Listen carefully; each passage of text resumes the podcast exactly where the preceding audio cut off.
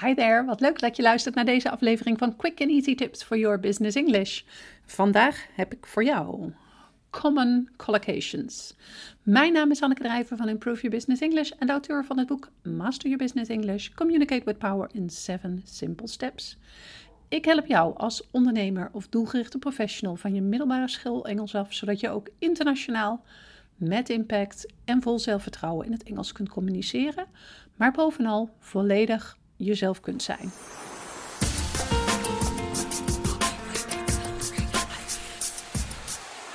Vandaag ga ik het hebben over collocations. Dit zijn woorden die vaak of altijd samen worden gebruikt.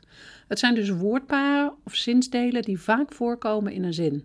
Omdat deze combinaties zo vaak voorkomen, klinken ze beter dan andere combinaties. Engelse taalgesprekers gebruiken deze combinaties zonder erover na te denken. Maar als de taalleerder van het Engels kan het zijn dat je niet goed op de hoogte bent van een bepaalde collocatie. De kans is groot dat je een ander synoniem kiest, waardoor het net of klinkt. En zulke foutjes zijn moeilijk te detecteren als Engels niet je moedertaal is, maar kunnen ondanks dat verschrikkelijk verkeerd overkomen. Daarom is het belangrijk om jezelf te trainen in collocations. Een aantal jaar geleden heb ik je wat basisinformatie over English collocations gegeven in de podcast Update Your Grammar with collocations. In deze podcast geef ik je een kort overzicht van de belangrijkste informatie en geef ik je een uitgebreide lijst van Engelse collocaties die vaak terugkomen in het Engelse zakenleven. En als kers op de taart geef ik je mijn gouden tip om nooit meer een collocation fout te doen. Waarom dit belangrijk is? Nou, de internationale zakenwereld heeft veel verschillende specifieke collocations. Deze worden universeel gebruikt bij zakelijke professionals over de hele wereld.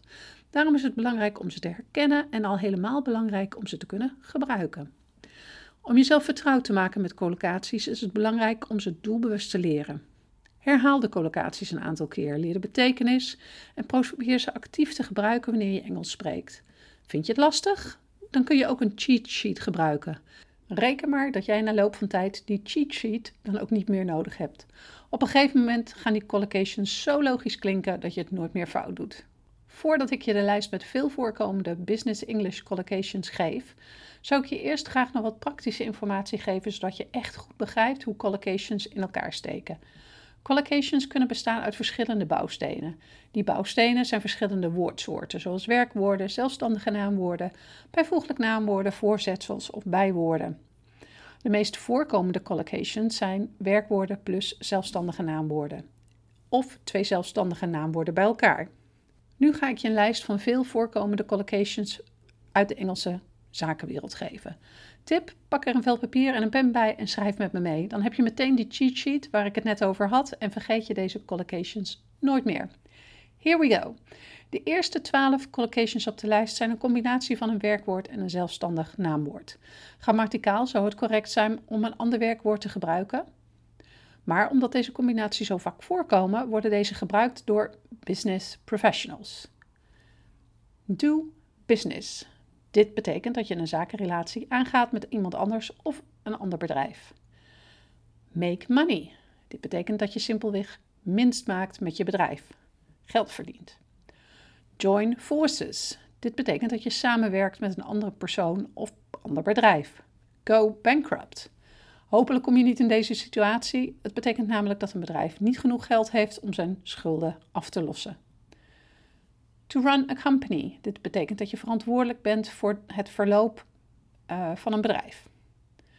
To chair a meeting. Dit betekent dat je de leider bent van een vergadering. To lead a team. Dit betekent dat je de leider bent van een bepaalde groep die samen een bepaalde zakelijke activiteit doet. Attract investors. Dit betekent dat je je bedrijf zo promoot dat mensen of bedrijven worden aangemoedigd erin te investeren. To suffer losses. Dit houdt in dat de kosten van een bedrijf hoger zijn dan de inkomsten. To build trust. Wanneer je dit doet, ontwikkel je een sterke of sterkere band met andere zakenrelaties. Veel mensen die niet op de hoogte zijn van deze collocatie zullen iets als create trust of make trust zeggen. Maar dat is dus niet correct. Het is to build trust discontinue a product. Dit betekent dat een bedrijf stopt uh, met de maak of verkoop van een bepaald product. To meet a deadline. Dit houdt in dat je een bepaalde taak uh, op tijd af hebt. op, de, op het geplande moment. Nu geef ik je nog een aantal collocations die twee zelfstandige naamwoorden bij elkaar zijn. Sommige zul je vast al kennen, maar pak vooral je pen en papier er weer bij. Customer service, price war, brand name, sales figures, business model, customer base, market leader, product launch. Als laatste onderdeel van deze podcast ga ik je mijn gouden tip geven, zodat je nooit meer hoeft te twijfelen over collocations. En dat is de online Oxford Collocation Dictionary. Je vindt dit woordenboek via de site www.freecollocation.com.